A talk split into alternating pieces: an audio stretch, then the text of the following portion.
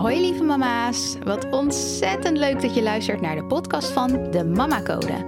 In deze podcast kan je rekenen op een wekelijkse waardevolle talk vol inspiratie, motivatie en eerlijk optimisme. Want daar kan je als moeder altijd wel een extra dosis van gebruiken. Hoe maak je voor jezelf het moederschap nou nog makkelijker en leuker? Luister naar deze podcast en doe er je voordeel mee. Let's go!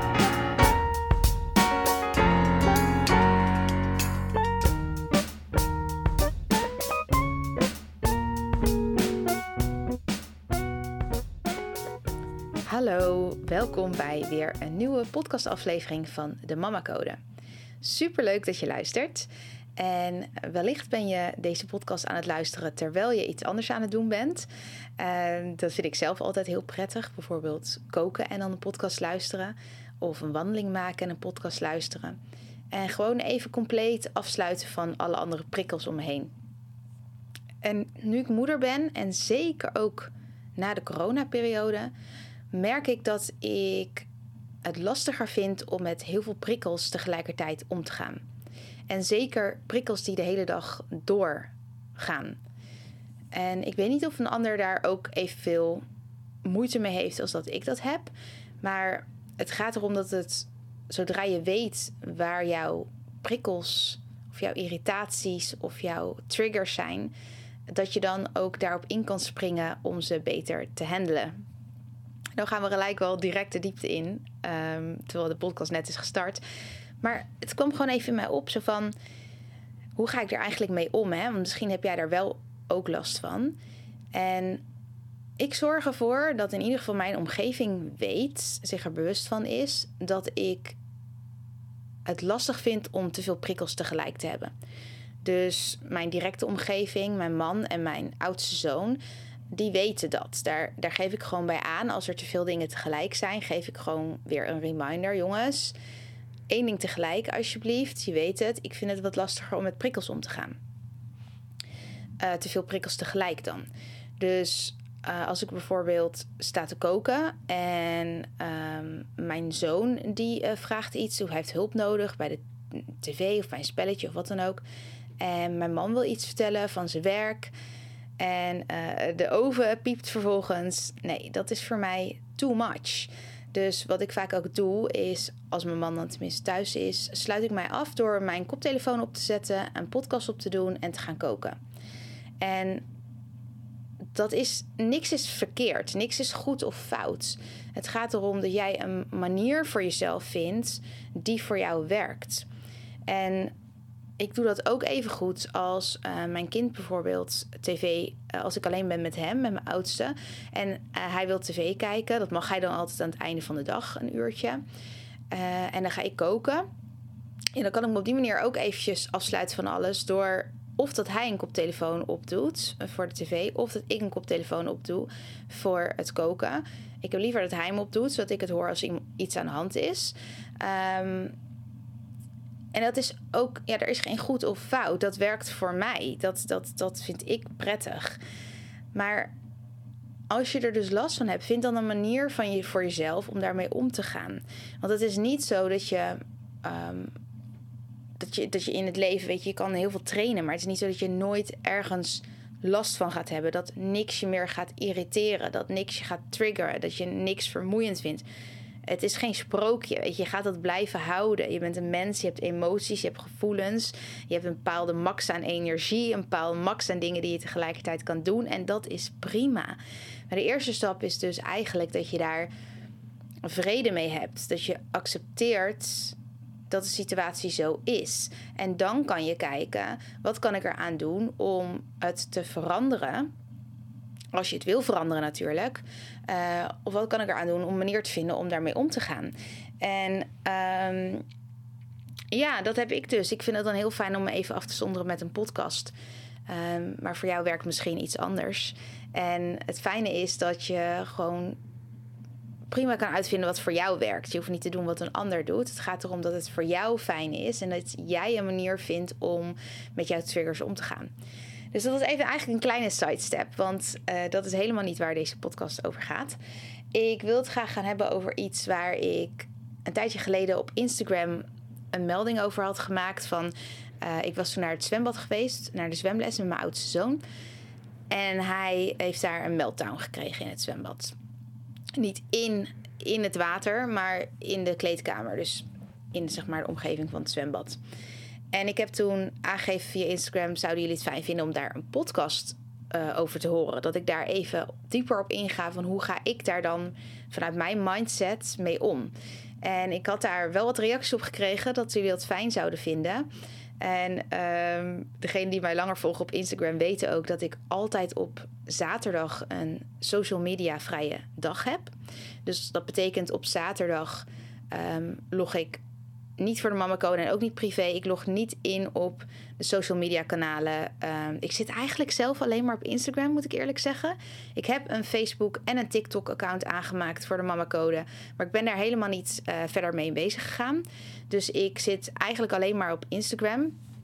En wellicht dat ik het later een keer ooit oppak. Maar voor nu wil ik me gewoon op twee kanalen focussen. Dat is de podcast en Instagram. En wat ik dus doe op die zaterdag, elke zaterdag, ehm, al eigenlijk vanaf het begin dat de Mama Code is ontstaan, zorg ik dat ik die eh, zaterdag een vrije social media dag heb. Dus dat betekent dat ik niet op Instagram inlog. En eh, dus ook niet check of ik berichten heb ontvangen, maar ook zelf niks post. Eh, niet bij andere kanalen, bij andere pagina's kijk wat zij hebben gepost. Ik sluit me er helemaal voor af. Ik merk op zo'n dag dat ik eigenlijk sowieso veel minder op mijn telefoon zit. Want ja, wat doe je er anders nog op? Ja, WhatsApp misschien, maar ehm, daar kijk je ook niet de hele tijd naar. Dus het is zo'n fijn gevoel om gewoon ehm, die telefoon even weg te kunnen leggen. En daar niet mee bezig te zijn. En ik vind dat vooral ook belangrijk omdat mijn kids. eh, daar ben ik heel veel mee op de zaterdag, zondag overigens ook. Maar in ieder geval die ene volle dag in de week. Gewoon committed te zijn aan de tijd die ik met hun doorbreng. En daar echt bewust aanwezig te zijn. En echt de tijd te nemen voor hun en voor wat er gaande is. En niet in mijn telefoon te duiken. Want als je er echt bij stilstaat hoeveel uur je op een dag op je telefoon zit, is dat bizar veel. Ik zal niet zeggen dat het bij iedereen zo is, maar ik denk een hele grote meerderheid echt wel. En um, ja, ik wil, ik wil dat zelf gewoon minderen. En ik vind het fijn om niet in die telefoonwereld te zitten, maar echt aanwezig te zijn bij mijn kinderen. Uh, hoe kijken ze? Wat zeggen ze? Uh, de interactie met ze. Het is toch heel anders als je telefoon niet heel in de buurt ligt. En ook goed voor hun om dat te zien. Dat de wereld niet alleen maar uit de telefoon bestaat. Zeker niet. Of ja, helemaal niet eigenlijk. Um, en ik vind het een hele mooie ontwikkeling hoor. De to- telefoon en social media. En je kan er heel veel moois mee. Want je ziet nu ook met de mama code.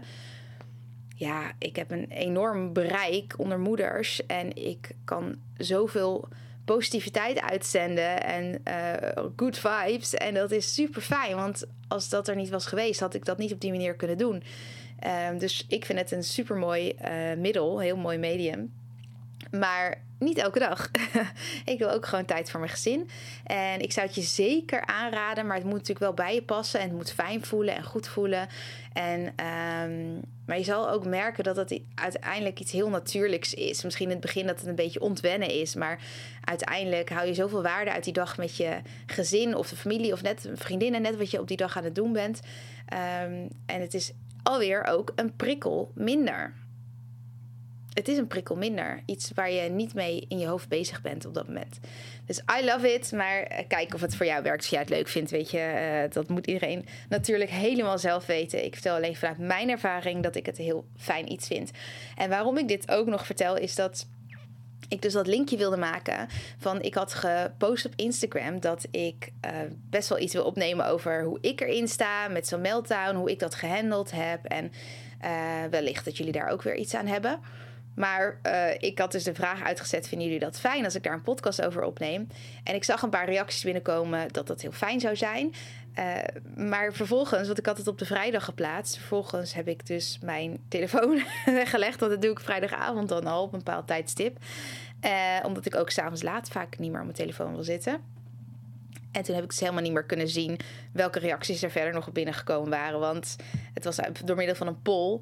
En ja, ik ben niet meer op mijn social media geweest. Dus toen ik zondag weer incheckte, was die hele poll verlopen en kon ik het niet meer zien. Dus ik ga er maar een beetje van uit dat er eh, nog meer moeders dit heel fijn zouden vinden. En zo niet, dan, uh, ja, dan, dan be my guest om deze aflevering over te slaan. Maar wellicht dat je er toch wat zinvols voor jezelf uithaalt. In de tussentijd waren er best wel al podcastafleveringen die over een ander onderwerp gingen die even voorrang hadden. Dus ik ga eventjes uh, terughalen in mijn herinnering hoe dat precies was gegaan, die meltdown. Um, en ik hoop dat ik daarbij geen details vergeet. Dus here we go. Elke week ga ik met mijn zoon naar de zwemles. En ik neem mijn andere zoon mee. Dus mijn oudste zoon Mason is uh, vijf en die heeft dan zwemles. En mijn jongste zoon James van bijna twee, die uh, neem ik mee, want het is op mijn mamadag. En direct uit school gaan we daar naartoe. Um, nou, mijn zoon die vindt, uh, Mason vindt zwemles niet... Vond ze toen, ik moet echt van toen praten, want nu is het alweer een wereld van verschil natuurlijk, want het is al heel wat weken later. Maar toen uh, had hij daar moeite mee. En um, hij zat eerst in een klasje en dat waren een stuk of 10, 12 kids. Echt wel een grote groep. Een hele drukke groep. En mijn zoon heeft uh, wat meer aandacht nodig bij het zwemmen. Kijk, de een gaat het wat natuurlijker af dan de ander. En dat is allemaal prima. Daarvoor heb je natuurlijk ook zwemles. En in die groep uh, verdween meesten, zeg maar, een beetje. Degene die uh, al wat verder, verder waren, als dan werd gezegd: we gaan nu op onze rug oefenen, dan gingen die op hun rug en dan kregen ze er hulp bij. En ja, um, eigenlijk had Mason gewoon wat meer aandacht nodig dan dat hij in die groep kreeg. En toen hebben wij besloten om hem naar een kleiner groepje te brengen. Naar een groepje van max vijf kindjes. En dat is op dezelfde school, dezelfde zwemschool. Um, andere dag en tijdstip dus, op mijn mamadag. En meer aandacht voor hem. En dat was vrij nieuw voor hem en ook wel spannend. En hij was dus die eerste les daar naartoe gegaan. Andere leraar ook. En dit is een leraar die had, die heeft denk ik en zelf vanuit zichzelf meer dat hij um, ja, een kindje niet meer laat wegkomen met trucjes. Um, maar ook de groep is natuurlijk kleiner, waardoor er veel meer toezicht is en meer aandacht voor een kind. En dat merkten we gelijk al die eerste les. Dat um, ja, meesten moest gewoon wel echt meedoen. En op een niet pusherige manier. Ik vind wel echt heel fijn hoe deze moet echt credits geven aan die zwemleraar hoe hij dat doet. Want hij is niet pusherig, maar hij laat ook niet een kindje wegkomen met ik kan het niet of ik wil het niet. En um, hij heeft heel veel aandacht voor alle kindjes. Dus Mason die doet gewoon uh, mee met alles. Maar dat is natuurlijk spannend. Kijk, als je een kindje bent en je houdt niet van water of je vindt het gewoon best wel een beetje spannend, dan reageer natuurlijk anders op dan als je een kindje bent uh, of als kindje zijnde um, ja, meer gevoel met het water hebt. Anyways, hij vond het best wel een dingetje dat lesje en uh, ze zijn ook gelijk naar diepe gegaan en hij moest met zijn hoofd in het water, hoofd onder water doen, uh, op rug. Um, in het water springen, van alles en nog wat. En ik vond het super, want nu zag ik tenminste dat hij wat leerde in die grote groep verdween hij. En dacht ik echt elke keer dat ik daar zat van... Ja, um, leuk dat je in het begin een beetje watervrij gemaakt moet worden. Maar uh, ik betaal voor deze les en ik zie elke week eigenlijk niks gebeuren. Dus ik was hier heel blij mee. Van hé, hey, er gebeurt wat. Hij leert wat. We gaan ergens naartoe, we werken ergens naartoe. Maar ik zag ook aan hem, aan Mason, dat hij het natuurlijk spannend vond. En een beetje, ja, daar even aan moest wennen. En toen hij dus klaar was met die zwemles, was hij daar best wel overstuur van. En dat kan ik me heel goed voorstellen. Ik was ook geen zwemwonder vroeger. Ik hou er nog steeds niet van om helemaal onder water te gaan. Ik doe het wel, kan het wel. Ik durf het natuurlijk wel. Ik heb ook gewoon mijn zwemdiploma's. Maar ik hou er niet van. En dat zie ik ook bij hem terug. En daarom weet ik ook, ja, weet je, dat, is, dat kan gewoon. Dat is prima. Je gaat niet forceren voor iemand dat hij van water houdt. Dat hoeft helemaal niet. Maar ik vind het wel belangrijk dat hij zijn diploma haalt. En hij was overstuur en ik zag het al een beetje aankomen. En dat is ook wel een beetje iets wat ik al gelijk mee wil geven. Nummer één is, en dat is ook van in het moment zijn en niet constant op je telefoon zitten en uh, echt kijken wat er gaande is. Ik heb wel James daar bij me, maar ik let ook op Mason. Ik kijk ook echt wel naar hoe hij het heeft. En ik zie dus ook wat er gebeurt. En ik ken mijn kind zo goed. Ik ben zo geconnect met hem. Dat ik ook gewoon bijna zelfs voel wat hij voelt. Ik, ik weet gewoon wat er gaande is. Ik heb daar oog voor. Dat vind ik heel belangrijk. En um, daardoor kan ik ook beter inspringen op wat er gaande is. Want doordat ik dus zag dat hij struggelde en ik weet dat hij het lastig vindt en ik ben daarbij betrokken, kan ik daarna ook beter inspelen op wat er vervolgens gebeurt. Hij is gefrustreerd. Uh, hij is boos ook echt. Uh, we staan in, die, uh, in het pashok en het is een, uh, of nou ja, de kleedkamer, die familiekamer ik dan genomen, omdat ik James ook bij me had met zijn kind in zijn kinderwagen. En um, ja, meestal zo overstuur dat hij roept dat hij nooit meer naar de zwemles gaat. En hij staat echt te schreeuwen in die uh, ruimte. En wat kan je dan doen? Je kan, um, je kan boos worden. Je kan meer boosheid in de situatie brengen. Maar dan breng je eigenlijk meer van een gevoel wat je eigenlijk al niet wil dat er in die ruimte is. Je herkent het vast wel. Je hebt vast wel een keertje gehad dat je kind een meltdown had. Al, een bekend voorbeeld is natuurlijk in de supermarkt. kind dat op zijn buik gaat liggen, stampen, doen. Uh, ik weet zeker dat je als, als je moeder van peuter of kleuter... dat je er ooit mee te maken hebt gehad. En dan moet ik zeggen dat ik bij Mason vroeger daar heel weinig mee te maken heb gehad. Hij, uh, de eerste jaren van zijn leven heeft hij helemaal niet dat soort dramatische wendingen genomen. Maar elk kind komt daar wel eens weet je, op een punt dat, dat, hij, dat hij zich even gewoon niet happy voelt. En dat kan ook in een openbare ruimte gebeuren. En ten eerste is dat prima, want het is een kind en ik hoef me niet op een bepaalde manier te voelen richting andere mensen omdat mijn kind op een bepaalde manier uh, acteert op dat moment. Ik ben daar ten eerste helemaal, helemaal prima mee. Ik heb er echt helemaal vrede mee. En dat betekent dus ook dat ik niet boos ga worden. Dan breng ik, dus, ik breng dan niet nog meer van een bepaalde negatieve uh, lading in de ruimte die er al is. Heeft echt niemand wat aan. Er is nog nooit het opgelost boosheid boosheid te vergelden. Ik geloof daar echt niet in. Ik weet je, dan blijf je allemaal toch intern in die boosheid zitten. Um, ik accepteer dat hij zo reageert. En ik kijk met liefde naar wat hij nodig heeft. In plaats van dat ik tegen de situatie aan ga trappen. Of dat ik tegen hem ga zeggen dat hij normaal moet doen. Of dat hij uh, stil moet zijn. Of, um, mijn kind moet helemaal niks. Ik verwacht helemaal niks van hem. Ik verwacht van mezelf wel wat. Ik verwacht van mezelf dat ik hem begeleid in de emoties die hij ervaart. Ik verwacht van mezelf dat ik er voor hem ben omdat hij mij nodig heeft. Ik verwacht van mezelf dat ik rustig en kalm blijf, omdat ik weet dat ik dat kan en dat de moeder is die ik wil zijn. En op dat moment besluit ik dat ik rustig en liefdevol ga reageren. En hij zegt dat hij nooit meer naar die les toe gaat. En ik zeg lieverd, nu is nu en nu ben je geweest. En je hebt het supergoed gedaan. Je hebt iets gedaan wat je heel spannend vond. En ik snap dat het spannend is. En hij zegt, um, hij is boos en hij, hij is zo boos dat hij uh, mij dus niet hoort op dat moment. En dat is ook prima. Weet je, in de boosheid kan je dat ook allemaal niet helemaal goed in je opnemen. Maar het belangrijkste is dat hij ziet en voelt dat ik rustig blijf en rustige dingen zeg. En hij begint ook te gooien met zijn kleren. Die vliegen door, de, uh, door die ruimte heen. En uh, mijn jongste zoon vindt dat best wel grappig. En die begint ook zijn schoenen uit te trekken en te gooien. Dus dan krijg je een beetje een beeld van wat er gaande was.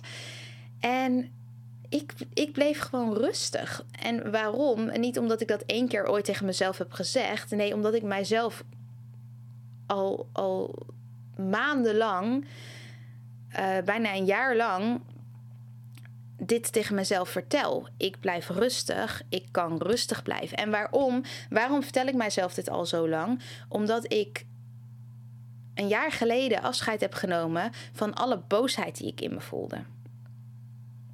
Omdat ik een jaar geleden de beslissing heb genomen dat ik dat niet meer wil voelen en dat ik het ga verruilen voor een ander gevoel Omdat ik een jaar geleden heb besloten dat ik niet langer zo'n negatieve invloed op mezelf en mijn gezin wil hebben door al die boosheid te voelen.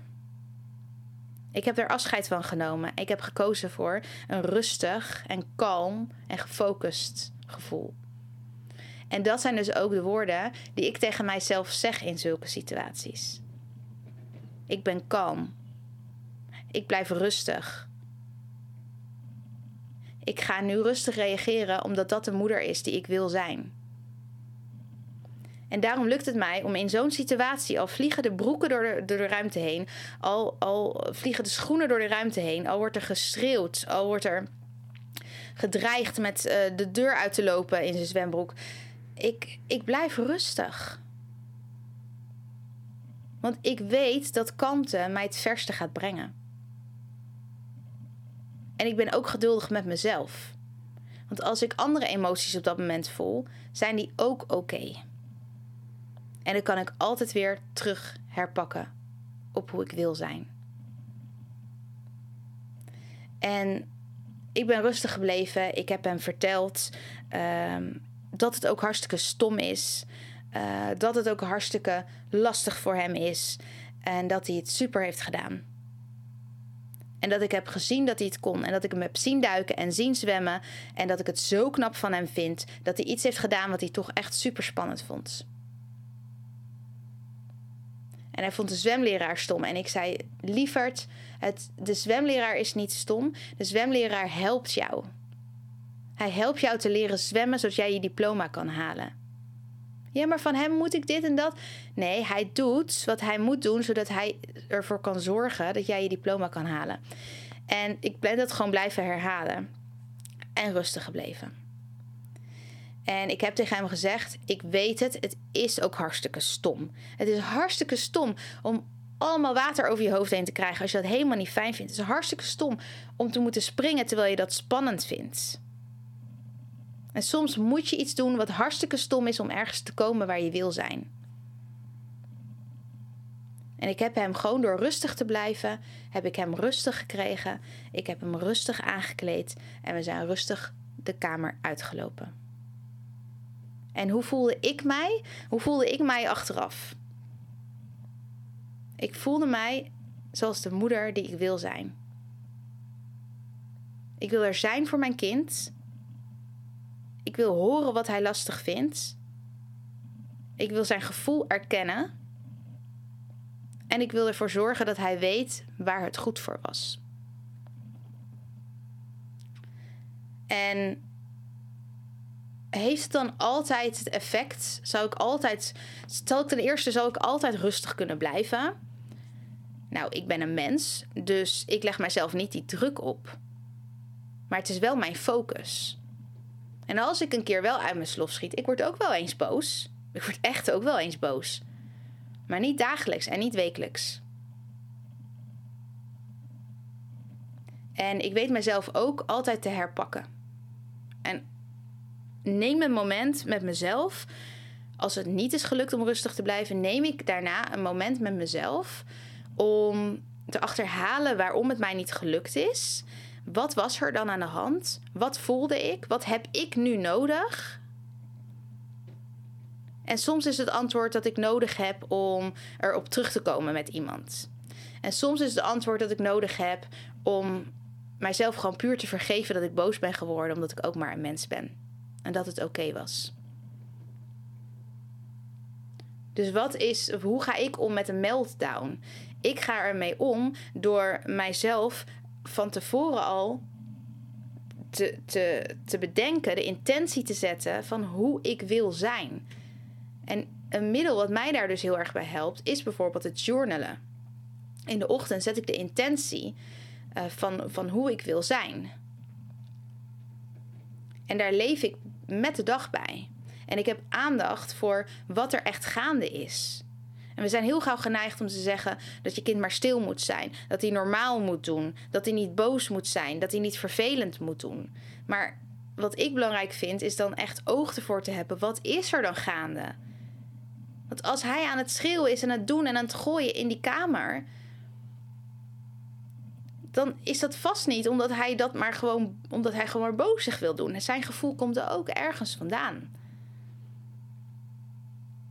En ik wil niet zijn gevoel afkappen. Ik wil hem leren dat die gevoelens er mogen zijn.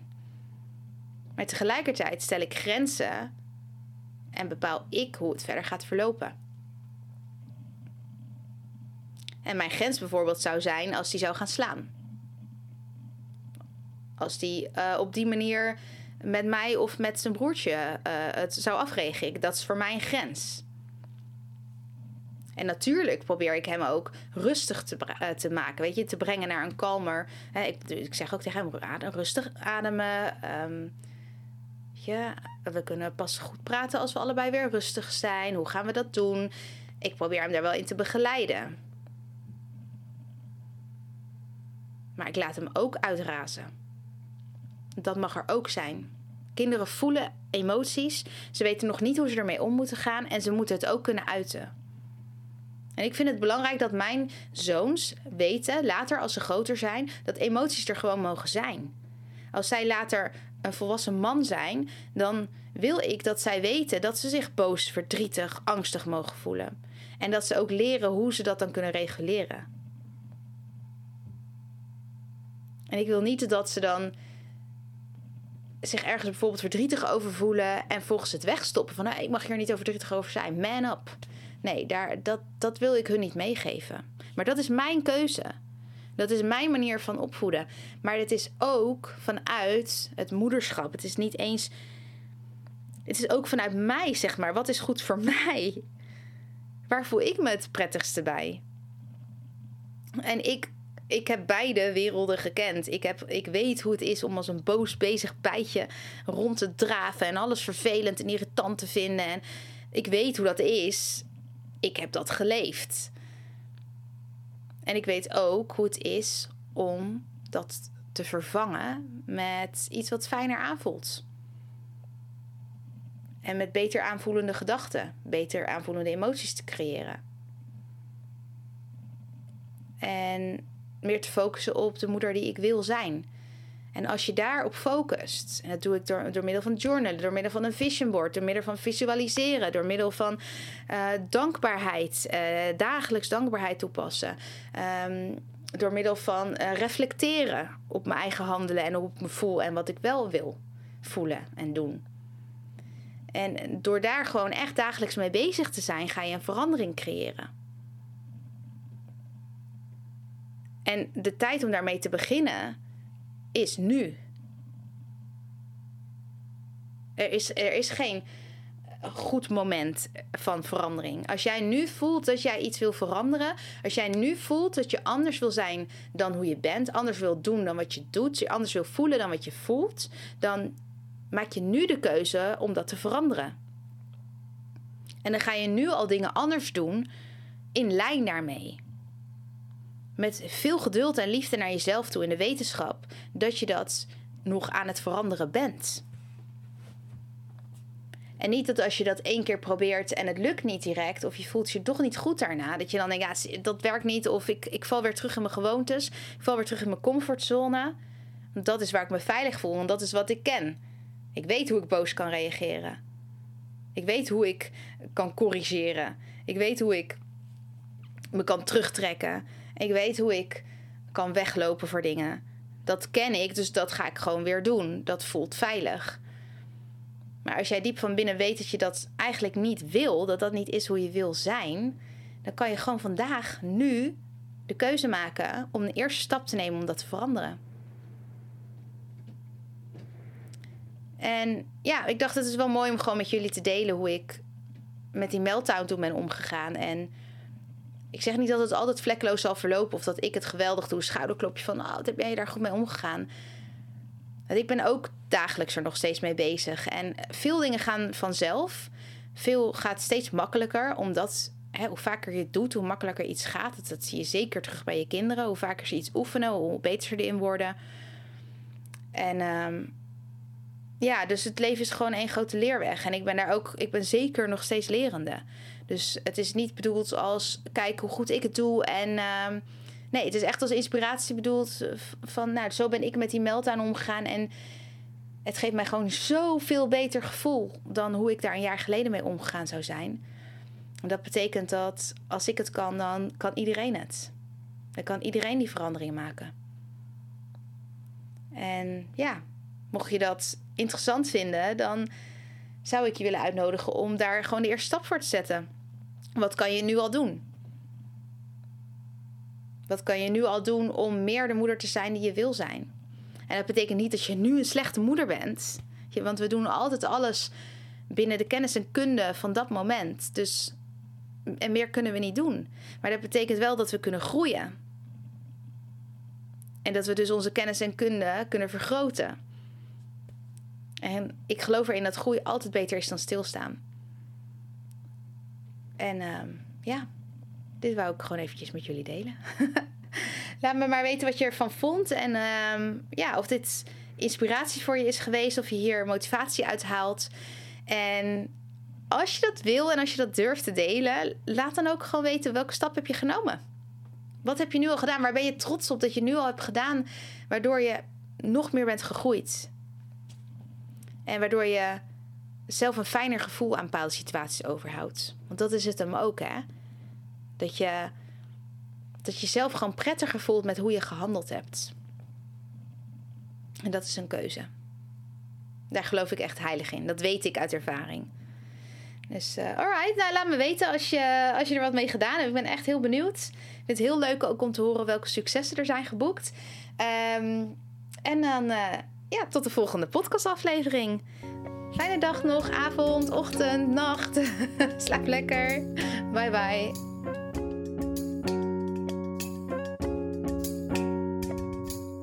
Lieve mama's, ontzettend bedankt voor het luisteren. Mocht je de aflevering interessant vinden, maak dan alsjeblieft een screenshot en tag me op Instagram. Daarmee kunnen we samen weer andere moeders inspireren. En ik vind het natuurlijk zelf ook leuk om te zien wie er luistert. Deze podcast is gratis te beluisteren en als je een review bij deze aflevering achter wil laten, zou dat helemaal super zijn. Zo vergroten we het bereik onder andere moeders. Heel, heel, heel erg bedankt alvast en tot de volgende keer.